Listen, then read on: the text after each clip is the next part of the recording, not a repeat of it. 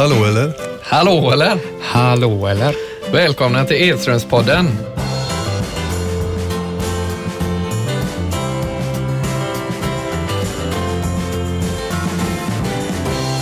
Dagens tema sommar och mästerskap. Eh, Är det bara dam vi ska avhandla lillebror idag eller?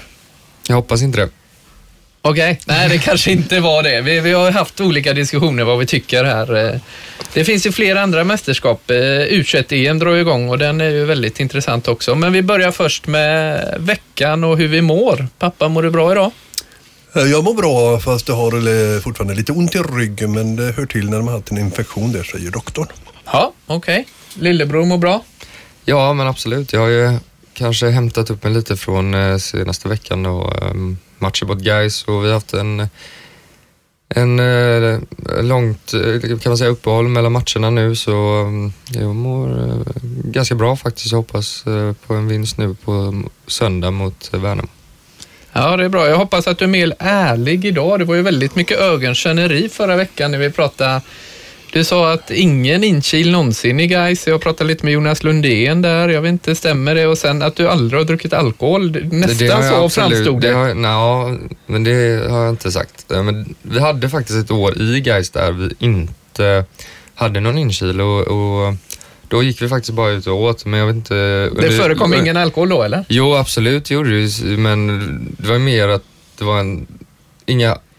Vi satte inte de inkilade i skiten riktigt Ja, så som okej. det är nu för tiden. Och sen så har ju Jonas Lundén varit rätt bra på ehm, vad ska man säga, rätt bra på de här inkilarna varje gång han har varit med. Så, Okej. så han, kanske, han kommer nog inte ihåg, även om vi bara var ute och åt. Oj då, oj då. Där, där landar den tillbaka.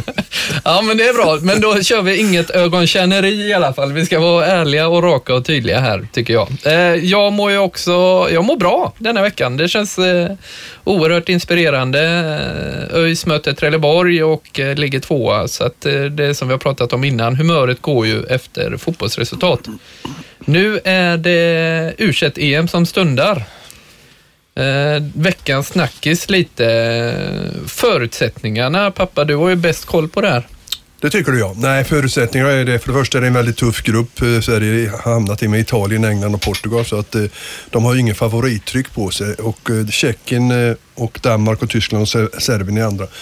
Om man gäller att komma med de två bästa, då spelar man semifinal. Men det är viktigt också att komma trea. Om man kommer trea så spelar man ett OS-kval. Så att eh, man får inte komma sist i gruppen för då är man ute. Nej, det hoppas vi verkligen inte på. Eh, Sverige har ju en ganska stark eh, årgång känner vi. Eh, Guidetti är ju den som får all uppmärksamhet. Eh, ska han ha det? Ja, han har inte spelat speciellt mycket i Celtic. Han, eh, han eh, är duktig att marknadsföra sig själv. Eh, jag tycker en sån som Simon Gustafsson i Häcken, vi har ju Christer Thelin, Mikael Ishak i det offensiva. Jag tycker Hiljemark visserligen var skadad i PS en hel del. Vi har Milosevic som har varit duktig och spelat i A-landslaget. Det, finns många som som eh, Kajson, det finns väldigt många duktiga spelare men alltså, det, det blir oerhört svårt ändå för, för det, för de möter så bra motstånd också. Lillebror, du är 92 Det är ju de här gänget också. Har du spelat med eller mot eh, några? Har du någon story där med? Jo, man har, man har mött eh, de flesta där och jag har ju varit uppe på eh, landslagsläger uppe på Bosön med de flesta faktiskt. Och, eh, jag måste ju säga att Guidetti är en fantastisk fotbollsspelare. Han har, eh, han har verkligen eh, tränat hårt och eh, gått igenom väldigt mycket för att komma lite nära idag och han är han är fruktansvärt bra fotbollsspelare, även om han har åkt på mycket otur nu på senaste tiden. Eh, jag Jag varit väldigt fascinerad av honom när han gjorde sommarprogrammet i P1 där för, förra året tror jag det var. Då eh, visade han eh, vinnarinställning och, och rätt värderingar, rätt tankar. Då, jag tyckte han hade sunda värderingar. Eh, vad har vi annars? för- Sam Larsson har du lirat med va? Um, inte med. Jag har lirat mot honom lite när han var i IFK där i U21. Eh, ja, det var väl tre, fyra år sedan då när jag var i Gais men um, det är en eh, väldigt uh, fin människa. Jag känner han är utanför plan också och umgås uh, ibland när han är hemma då, på fritiden. Och jag vet inte vad man ska säga riktigt. Han, är, han är en internationell spelare, en, inte en riktigt svensk spelare som man kan säga utan han är en, en han vågar utmana, det är väldigt få svenskar. Duktig i en mot en situationer. Han har ju spelat i Heerenveen och gjort väldigt bra ifrån sig. Jag vet att PSG bland annat är intresserade av att eventuellt flytta över honom då, som ersättare för Depay då som eh, flyttade till eh, Manchester United. Så att, eh, det är skönt att se en sån kille som vågar utmana. Vi har för få sådana i svensk fotboll tycker jag. Jag själv tycker jag det är väldigt roligt att Simon Gustafsson är med. Eh, det är lokala anknytningar också. Han kommer ju från Fässberg där mina barn spelar, så det betyder ju oerhört mycket när man har sådana förebilder. Eh, och tycker han eh, sköter det bra också och hoppas han kan ta ett stort kliv i detta mästerskapen och visa upp sig. Ja, Simon är en fantastisk fotbollsspelare. Det gäller bara att han håller ordning på sitt humör. Han har visat lite dåligt humör eh, tycker jag, Edevor. Men det har han nog blivit tillsagd rätt många gånger nu så att han får visa den klass som han har som fotbollsspelare och lugna ner sig lite grann så blir det en kanonspelare som kommer att spela många A-landskamper. Massmedialt så har ju u eh, vuxit eh, ganska mycket. Man, innan så har man inte pratat så mycket u men var det 2009 Ja, det var ju stort här eh, på hemma-EM. De gjorde ju jättebra ifrån sig då. Åkte väl ut på straffar mot eh, England då. vi var väl där och tittade hela gänget tror jag. Så att det var, väldigt, var ju väldigt stort och eh, bland annat Ola Toivonen och Berg spelade väl på topp. Och Rasmus Elm var med. Det var ju många av dem som har klivit upp senare och spelat A-landslaget. Men tyvärr räckte de inte in i den dramatiska matchen mot, det var väl Hart som räddade England också. Han stod väl i mål i, i deras U-lag då tror jag. Ja, det är ju det som är fascinerande att se framtiden, eh, vad som komma skall och det är ju jätteintressant att se Sveriges framtid också, se om vi kan få några stjärnor där. Ja, England har ju tillhör favoriterna i det här och de har ju den största stjärnan i U21, det är ju Harry Kane och Tottenham-killen då som eh, kom högt upp. Han kom med tvåa i skytteligan i Premier League och i, i, i eh, kvalet till EM här så gjorde han ju sex mål och två eh, målgivande passningar då. De har ju släppt eh, tränare, eller förbundskapten för England, Gareth Southgate. Han har nobbat en del killar som inte varit med kvar. Han har nobbat en sån som Sterling och, och även eh, um, Wilshire då, så att han, han, tar inte ut det bästa laget utan han vill att de som har varit med och kvalat in ska också få vara med och spela slutspelet. Tyskland har en bra målvakt i Ter Stegen där. Klubb FC Barcelona. Det är stort. Var ja. det i den åldern redan? Ja, han är fantastisk. Han har varit duktig i Barcelona också. Så att, det här, Tyskland eh, tillhör för favorit. Det är väl Tyskland och uh, Italien, England, äh, Portugal förresten ska jag säga. Jag håller uh, ett lag som outsider och det, det är Danmark som har uh, kanske den bästa årgången någonsin i uh, just det här året. Ska vi köra en eh, rödvit sommar då, men eh, vi hoppas väl på de blå, blågula i första läget. Ja, men det gör man ju alltid om man tagit sig dit. Det var ju dramatiskt när de tog sig dit och besegrade Frankrike. Det var ju en otroligt spännande match. Så att det är klart man håller på, dem, eh, på, på Sverige, men det är en oerhört svår grupp. Se till att inte komma sist, utan ha en möjlighet då, eventuellt om man kommer trea kvar in till OS. Det är stort det också. Jag tycker det är jättekul att eh, u killarna lyft fram. Eh, det är ju så i andra ligor i, och i USA också, i collegefotbollen där jag har eh, varit lite verksam. Där betyder det jättemycket. College-supportrarna är ju, fanskaran är ju jättestor på ungdomsspelarna och det är ju det som är framtiden. Oftast så är det ju mer tekniskt spel, inte så mycket fysik. Stämmer det? Ja, det kan det nog göra, men det är väl bra att vi lägger vikt vid tekniken för att det behöver vi. Fysiskt sett har ju ofta svenska lag eh, skött sig bra och disciplinerade också, men vi behöver ha mer teknik och bättre passningsspel eh, för att kunna hävda oss ännu bättre i de stora mästerskapen. Vi tar en snabbis med dam-VM, vi får ändå avverka det. Du har eh, lite Rossi-känsla, pappa? Ja, det tycker jag nog. Nu hankar de sig ju vidare här på, på tre oavgjorda och klarade sig. Brasilien vann ju med 1-0 mot Costa Rica. Nej, jag sa så här, jag tycker att eh, 1982 eh, så mm, spelade Italien tre oavgjorda och hankade sig fram vidare i den turneringen, VM då. Eh, sen helt plötsligt så, Paolo Rossi han fick ju någon linisk knäpp där och avgjorde allting. De vann ju finalen sen. Så jag får hoppas att Lotta Schelin som inte har visat speciellt mycket, har varit riktigt dåligt i detta sagt, gör något liknande nu och visar vilken duktig eh, fotbollstjej hon är då och eh, kommer igång.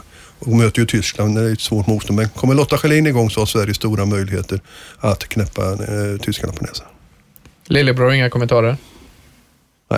Nej. Jo, men eh, absolut. Jag har inte sett en match faktiskt. Nej. Jag går inte upp och kollar för det. Men, eh, det är okristliga tider. Men jag, jag har läst lite och det är eh, inte bra har jag hört. Ehm, och Lotta Schelin och Aslani då, som vi snackade om i tidigare i programmen, har inte gjort mycket. Nej, det är ju så med svenska lag. Alltså, oftast är det ju så att man har ganska normalt sett ett stabilt försvar. Man måste ha, de här stjärnorna som Asllani och Schelin, de måste leverera. Det är samma med herrlandslaget, Zlatan måste leverera det. 2006 så hoppas man, det var tre stycken som stack ut där. Det, det var Ljungberg, det var Henke Larsson och det var Zlatan. Och de levererade inte och då, kom, då går det inte bra. Det var väl Ljungberg som var godkänd. Varken Henke eller Zlatan var speciellt bra i det VMet. Och så är det med svenska lag. Levererar inte stjärnorna så går det inte bra i en turnering.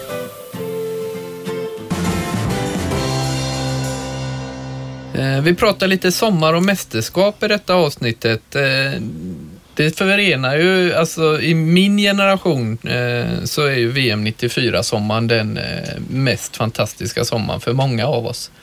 Det är ju förknippat och, och, när jag växte upp då, pappa du åkte ju till Mexiko-VM 86, då var jag 10 år och sen så har, det alltid, har du alltid varit borta fem veckor så att mm.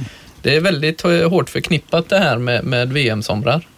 Ja, det är det och eh, det är bästa minnet under alla år som jag varit med på i Radiosporten och eller VM och Sverige så är det ju VM 94 som är den stora grejen.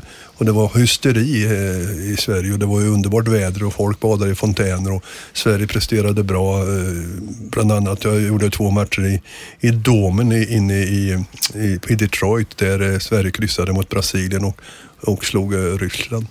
Eh, bland annat. Och eh, jag kommer ihåg vi hade så här radioväkteri så jag stod där med lurarna på på läktaren och skulle men det var midsommarnatt också var det hemma ja. och det var lite lurigt när man ska ha telefonväkteri då för de kan ju säga vad som helst. Men eh, då, det var, då hade Challe Berglund, hockeyspelaren då, var uppe hos Putte Eriksson som också spelade hockey och snackade men det var ganska ordentligt. Men då skulle de sjunga för någon, någon har någon melodi ni sjunger framför tvn. Och det enda de fick fram var Brolin, Brolin, Brolin. det var det enda de sjöng. Så att, eh, nej, men det var trevligt. Sverige gjorde en fantastisk insats tycker jag. Eh, eh Saudiarabien, eh, det var ju 40 grader nere i Dallas då. Jag trodde man ju att Saudiarabien skulle klara sig bättre i den hettan. Men, men Sverige vann och gjorde bra ifrån sig. Framförallt och Kenneth och, och Martin där framme. Då. Så att, eh, det var många goda matcher. Då. Den höjdpunkterna var väl ändå Rumänien tycker jag då. Som var eh, fantastiskt. Att man klarade sig det med den eh, Schwarz utvisar bland annat och sen straffläggningen då. Så att, eh, Ja, jag eh, minns det med det, är det roligaste minnet jag haft på de 32 åren som jag har varit med och snackat i radio.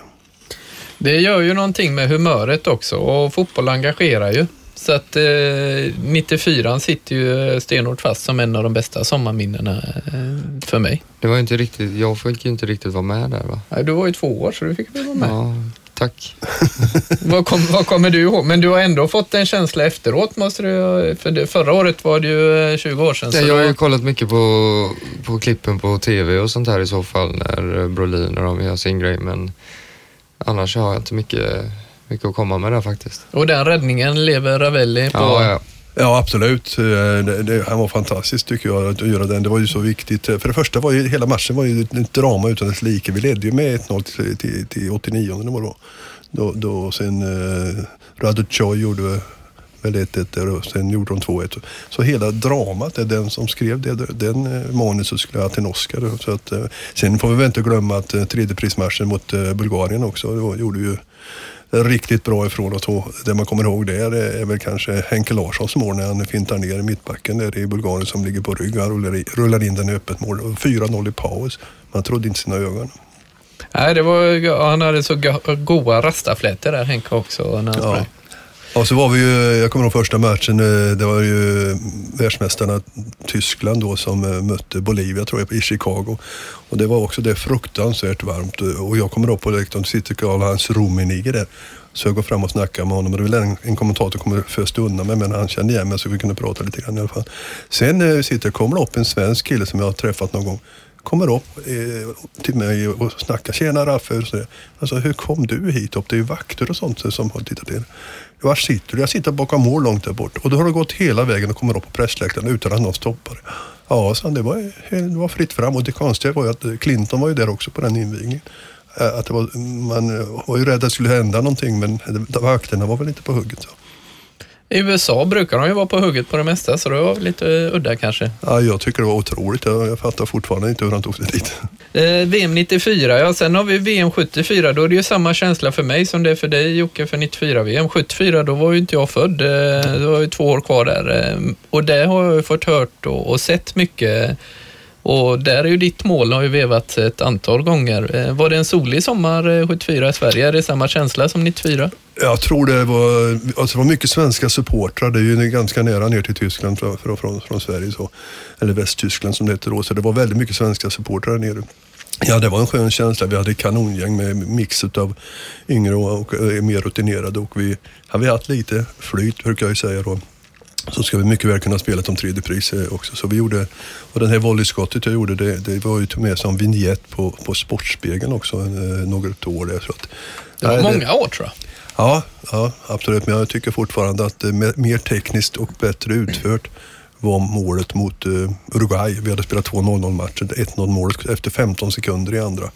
Jag tror det var fyra, fyra tillslagen, eller fyra spelare hade bollen innan, men den sista som slog bollen till mig var väl Ove Kindvall. Ben Magnusson var inblandad också vet jag. Så att, eh, det är mer tekniskt utfört. Jag lägger ner kroppen perfekt och får på en drömträff bakom uh, Så vi vann sedermera med med 3-0 och eh, i senaste eh, matchen Sverige spelade så gjorde ju Zlatan en kullerbytta och det gjorde Tommy Svensson 94. Man får inte glömma vem som började med det hela. Det var Roland Sandberg. Han gjorde mål mot Uruguay 1974.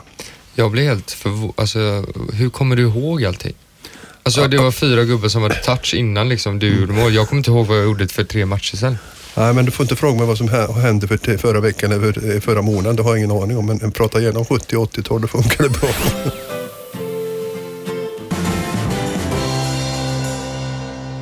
Eh, ja, 1970 84 och 1994. Vi har ju varit med på de här sommarmatcherna, eller jag har varit med sommarmatcher. Eh, då snackar vi eh, sommarturné då. Eh, efter att man har lyckats och ungefär tio år efter så åker de här landslagen runt på turné och möter mindre klubbar och där fick jag ju hänga med i många år. Det var ju väldigt trevligt och 94 har gjort det nu i ett ja, tiotal år tror jag väl i alla fall att de har varit ute. Men de spelade ju inte lika många matcher som vi gjorde 74. Vi spelade ju väldigt många matcher. Och eh, en som hade ett målsnitt som var makalöst, jag tror Thomas Wahlström på om det var 50 eller 60 matcher gjorde väl en 130 mål. Så han öste ju alltså in mål. Det var helt otroligt. Men eh, det var väldigt omtyckt och vi tyckte framförallt att det var kul att komma till små orter. Eh, framförallt kanske nere i Småland och vilka, vilka sköna arenor och vilken bra stämning. Det var helt underbart att spela de här matcherna. Så att, men sen var det ju mer och mer att att eh, det varit mindre och mindre spelare 74 från 74 men vi fick låna in väldigt mycket spelare. Och då var det lite svårt också att kalla det för, eh, för 74-laget tyckte vi då. Plus att Åby Eriksson då, gick ju bort eh, tidigt 2000 och Björn Nordqvist året efter höll ändå så vi spelade de matcher som vi hade lovat, lovat bort oss. Men sen, sen slutade det hela och med ålderns rätt på många år. Jag och Benno Magnusson och Thomas Ahlström och Jörgen Augustsson var väl de yngsta. Vi var ju födda över på 50-talet där och de andra var ju något äldre så att med all rätt då ja, men, slutade vi att spela de här matcherna.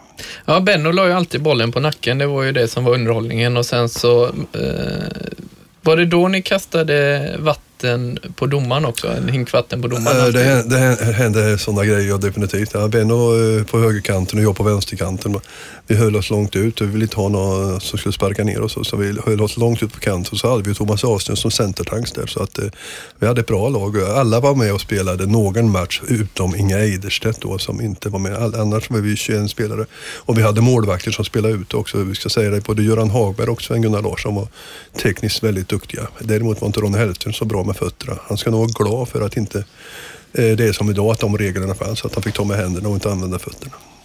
Eh, 94-gänget hade jag faktiskt förmån att få med när jag höll i eh, turneringen Hedra Claes Ingesson eh, här i höstas i Borås och det var ju ett, ett gott gäng. Eh, de ställde sig såklart bakom eh, allt det här som hände med Claes, men då fick jag äran att vara med Tommy Svensson och hela gänget. Eh, och de kör ju vidare. De hade en bra match eh, förra året i Båstad där det var 20-årsjubileum.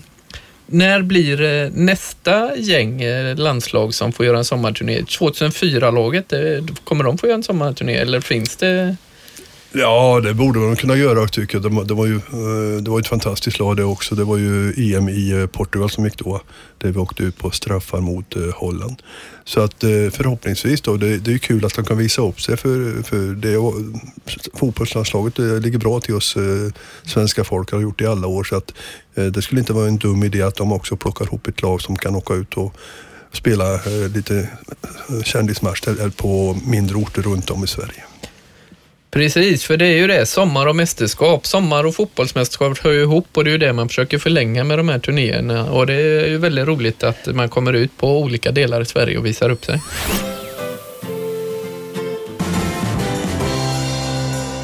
Vi ska prata lite om eh, våra favoritlag och favoritspelare. Eh, lillebror, vad har du för favoritlag?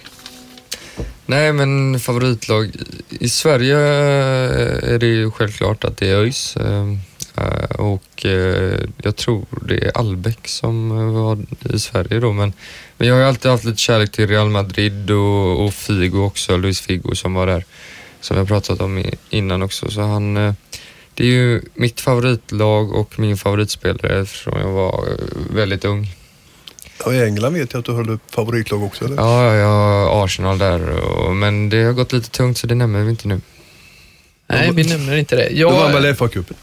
Jo, jo, jo, absolut, men det, det, det 2000, vad är det, 2004, 2005, 2006 så hade de ju bra år. Och, och då måste man säga Henri och Pires och det var ett väldigt fint lag då. Men eh, jag har alltid haft lite kärlek till Real Madrid också och jag kan väl egentligen säga att jag har, om vi pratar utlandet, så har inte jag några direkta favoritlag. Eh, det blev väldigt mycket fotboll när jag var liten, så att när jag var aktiv själv så följde jag inte fotboll så mycket. Jag hade mycket andra intressen, så att det har blivit att jag inte har eh, favoriserat något. Men jag har ett starkt minne faktiskt och det är ju när jag var i PSV eh, när jag var 15 år och vi var där och tränade och då träffade jag Romario.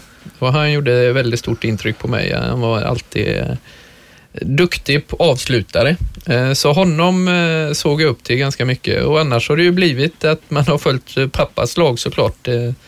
PSV och man har lite koll på Monaco. Astana Liège har inte riktigt bra koll på. Men, och sen så avslutar han ju ÖIS och det är ju där jag är så att det finns ju ingen annan förening för mig. Ja, jag, eh, naturligtvis i Sverige då, det är naturligtvis Degerfors och Åtvidaberg som, som gäller för mig. Då. Men, men eh, utom, eller i England har det varit Derby County. Början 70-talet hade de ett jättebra lag. Eh, bland annat med, med Hinton och, och McFarland och allt vad de heter. Men sen eh, håller jag alltid lite grann på Inter har gjort också för att vårat skollag i Degerfors hade sån blåa och svarta eh, randiga tröjor. Så därför eh, håller jag lite grann på Inter.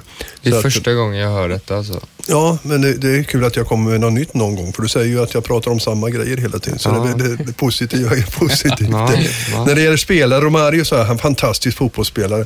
Och det, det, goa i det hela, PSV hade, måste ha haft en bra scouting för att Eh, Ronaldo, den första klubben representerade i, i Europa var PS som var 16-17. Romario, den första klubben han representerade i Europa var PSV. Romario gjorde, tror jag, 98 mål på 102 ligamatcher i PSV. Det säger ju ganska mycket om kvaliteten på det. Så att, men, men när det gäller utländska klubbar så är det klart PSV ligger mig närmast hjärtat. Det är av de tre jag spelat där. Så, att, eh, så, så jag tycker att um, när det gäller spelare, Johan Cruyff, fantastisk fotbollsspelare. Uh, jag tycker han var enorm. Eh, pratar vi om Sverige så tycker jag ju Eh, Göran Kummerstedt faktiskt, Degerfors, eh, vänsterhalv. Jag spelade vänster mittfält på, i Degerfors juniorer då. Han kunde inte spela i landslaget. vet du vem det är, lillebror? Nej, nej, nej det vet ni inte. Han, han, var, han spelade vänster mittfält, men Degerfors stod stora silver 63. Han fick inte spela i landslaget, blev inte uttagen i landslaget för han hade en njure enbart. Så därför kunde de inte ta ut det. Det gällde försäkringsgrejer då. Så att, eh, så det är, en tufft när man åker på sådana grejer som Göran Kummerstedt. Men nu pratar vi om favoritlag och stora spelare. Du rangordnar han högt upp? Vi har inte med Maradona och Pelé och lite... Men jo, då, Maradona naturligtvis, men jag tycker ändå Pelé tycker jag då är fantastisk spelare som var med redan 50, 58 när de vann guld. Han var med 70 och gjorde en kanon. Så att, eh, jag tycker han, Maradona vann ju VM ensam 1986 för Argentina, det är ingen tvekan om det. Och eh, du, eh, vad gjorde du av den autografen jag tog åt dig eh, Pierre? Jag, jag, jag gömde den i en låda i Frankrike 98, var så himla rädd om den. Och jag höll på att gömma så jag inte hittade men sen tog jag hem den. Men var tog den vägen? Ja, det är autografblocket jag har lagt på ett eh, väl gömt ställe. Det hittade inte. Otur är att jag inte har hittat det autografblocket än. Men, men det kommer, eh, jag måste flytta bara så kommer det fram. Ja, Jo- Jocke, du har ju ett tungt autografblock. Kommer du ihåg vilka spelare som var det? Ehm, ja, jag har de flesta från 94-laget tror jag i alla fall. Och sen eh, Edvin van der Sar och, och Mm. Cruyff och sen så finns det ju och... Ja, sen så finns det ju flera som inte ens har någon aning om vilka det är. men det- Typ Benno Magnusson och... eh, Nej, nu skämtar jag bara. Nej, men det är klart jag har honom också, men eh, vi, det finns ju flera där också som jag inte känner igen faktiskt. Nej, alltså, det är så konstigt idag. Alltså, när, när man skriver autografer skulle man kunna ha en aning om eh, vilken det är som skriver. Om, man måste skriva under för att veta vem som skriver. Jag tog eh, för inte många år sedan jag tog eh, autografer på en tröja till en som fyllde 50 år. Jag säger att det var 20 autografer på tröjan. Man kände igen tre stycken kunde man tyda, men det var ju bara för att de skrev numret efter det här, de krumeluren de hade satt det. Så jag tycker det är lite nonchalant eh, det här autografskrivandet idag. Man måste ju i alla fall kunna tyda och se vilken person och vilken spelare det är man har tagit autografer om. Jo, fast idag skriver man väl inte autografer, man tar väl selfie med, med spelaren, det är väl det som är. Ja. Ja. Jocke, skriver du många autografer? Ja, Utsikten. eh, ja, det, fan, det händer. Det, det Gör är det? klart. Ja, det är klart. Ja, Ja. Vi skriver på några tröjor ibland och det kanske blir lite för många ibland. Så det blir en, eh, man kanske inte är så noggrann när man skriver under utan man bara kör sin, kör sin grej på tröjan och så skriver man numret. Och det är ju så man känner igen vem det är nu. Jag tror inte någon vet riktigt, eh, eller ser min autograf så bra så de förstår att det är jag. Men det är många som vill ta kort med det då? Nej, det, det, det går tungt. eh, Alltså, det är lite så, eh, Vi, vi Du har ingen vi, egen hashtag nej, men, på det? Nej, men vi är inne i en tung period nu. Jag har torskat tre matcher i rad, så det kommer väl snart i och för sig. Men ni har ju några hundra på matcherna eller? Eh, Två ja, ja, ja, ja, ja, ja, vi är upp mot en tusen nu det här året och det funkar absolut bra. Vi har, fan- vi har fått folk från, utifrån Näset, eh, när vi har gått ihop med Näset, eh, Utsikten. Och, så eh, det är helt fantastiskt att eh, barn och, och föräldrarna går från Näset och kollar på Utsikten. Ja, så många autografer som jag skriver nu har ju inte jag gjort på min karriär, men då är det ju mest att underteckna alla fakturer och avtal och sådär. Så att det är lite... Jag vet när jag debuterade i U-landslaget och på Uddevalla mot Danmark och min mamma och pappa var där och tittade. Och eh, jag kom ut efteråt. Då fick till och med min mamma och pappa skriva autografer och det tyckte jag var ganska, ganska stort faktiskt. Det var imponerande. Mamma. Så att eh, autografer har man skrivit rätt många. Jag har ju varit med och signerat böcker bland annat och då kanske man ska skriva ja, 3000 autografer och liknande. Eh, 1978 så eh, den boken som gavs ut då eh, skrevs av bland annat Lars-Gunnar Björklund. Och då skulle man signera den boken och då pratade vi om att man skulle få ersättning, jag tror det var 2000 kronor. Då säger jag till dig här innan vi har bestämt det hela. Jag skriver inte 3000 autografer för att få 2000 kronor brutto. Det gör inte jag för ni, ni fattar inte vad ni är in på. Men de gjorde det ändå de andra så jag jag, jag skrev inte. Och de höll på och skrev. De hade med sig, de skickade lådor till varandra. De skrev och höll på hur mycket som helst och de ångrade sig, de flesta av dem, att de gjorde det. Eh, idag kan det komma, när jag är ute och har jobbat med på radion, så kommer det folk med de här böckerna och vill att jag ska signera. Du var inte med då och då får jag förklara det här. Det var inte frågan om kaxighet. Jag tyckte bara idiotiskt att skriva 3000 autografer för 2000 kronor. Alltså, så det var lite gniden där. Det var ju första gången, för annars har du alltid tyckt att pengar är inget bra, men det, Gniden och gniden, jag vill säga, jag vill säga att jag var förståndig. ja, men det är ett bra affärsupplägg, för det tycker jag att du... Jag har tappat nu istället. Har han gjort det? Men jag tycker ändå man måste ju inse vad man ger sig in på. Jag menar, de här som, som, som uh, gav ut den här boken, de tjänar ju fruktansvärt med mycket pengar.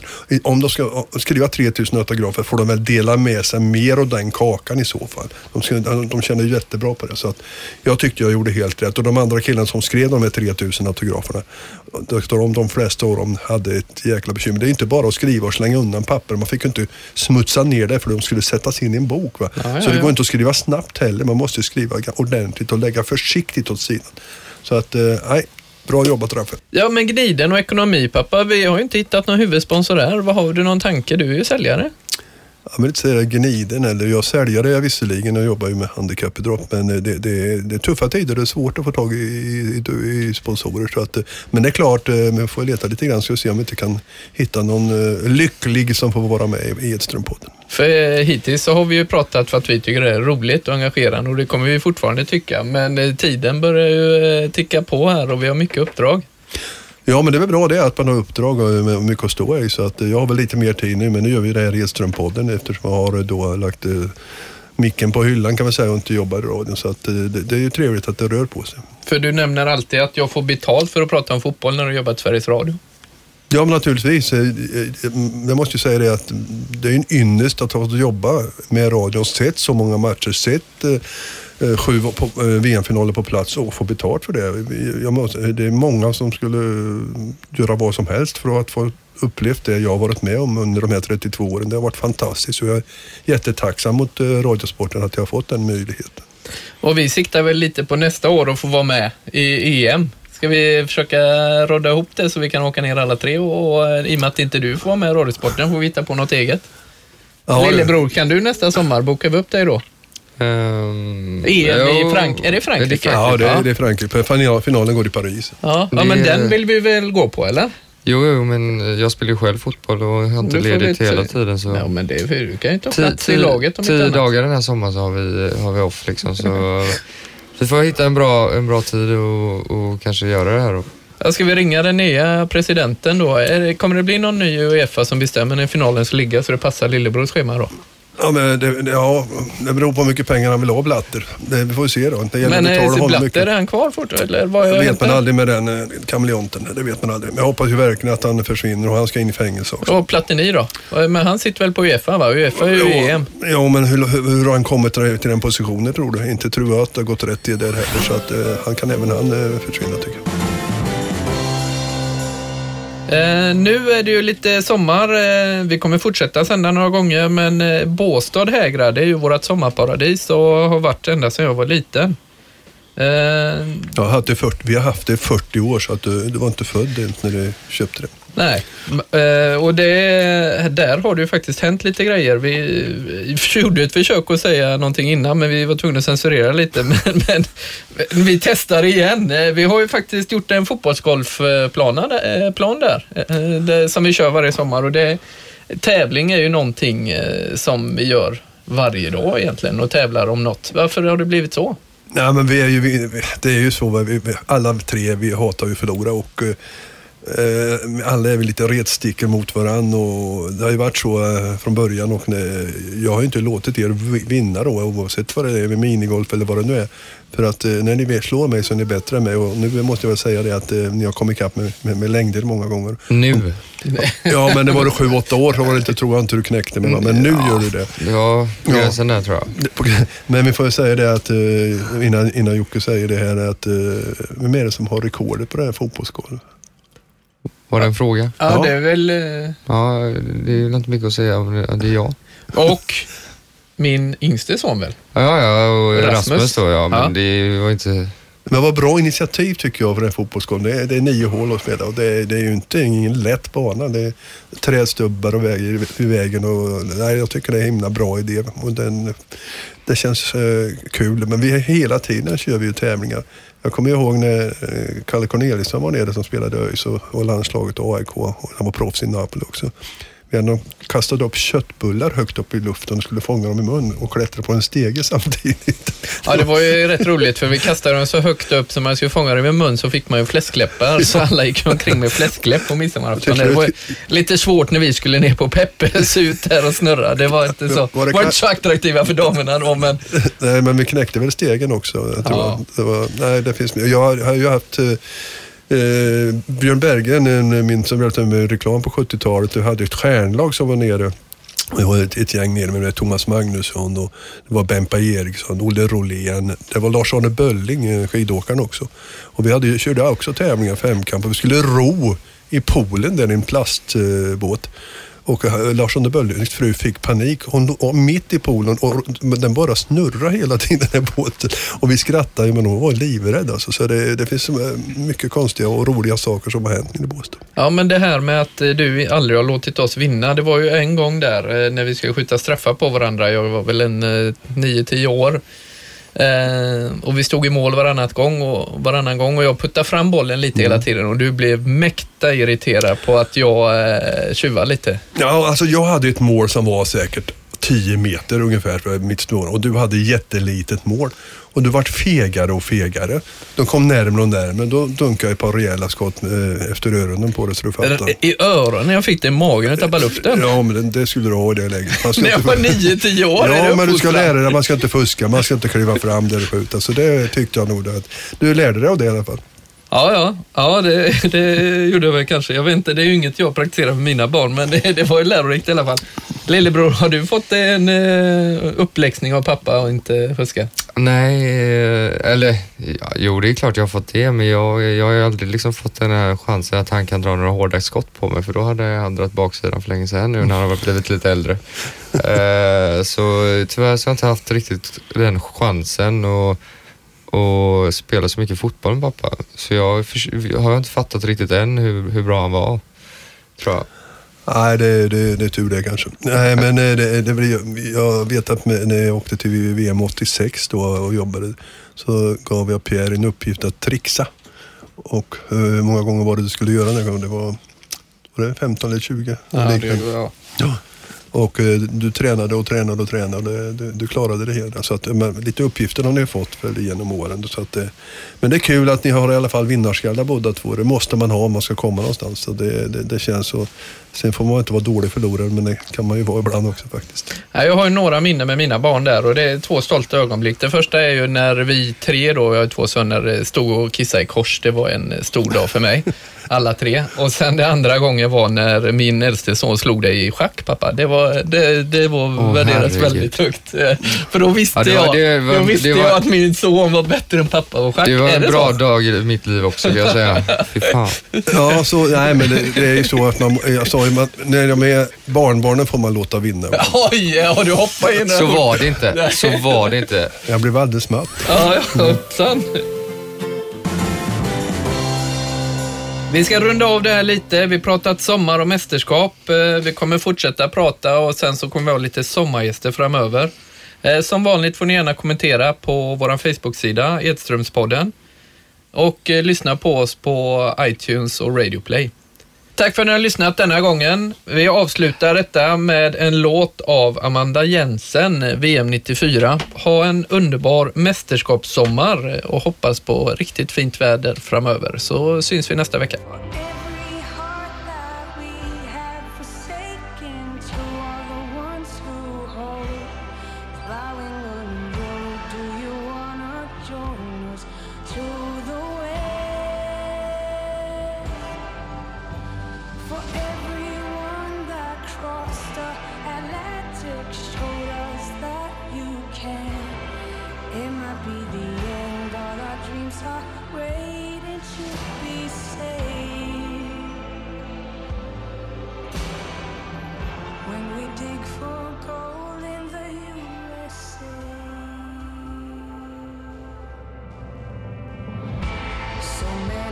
tried to disappear, but we have proven that we did. For in every house been called a home sits all the people that still know. Carry our compass through the storm carry all the promises we've torn. Agony we know shall soon be gone. Forever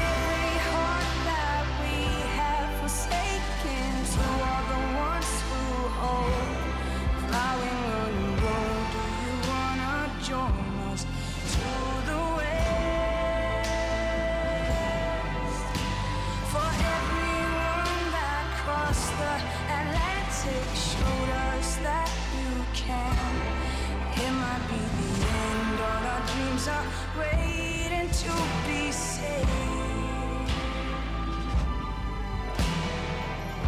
When we take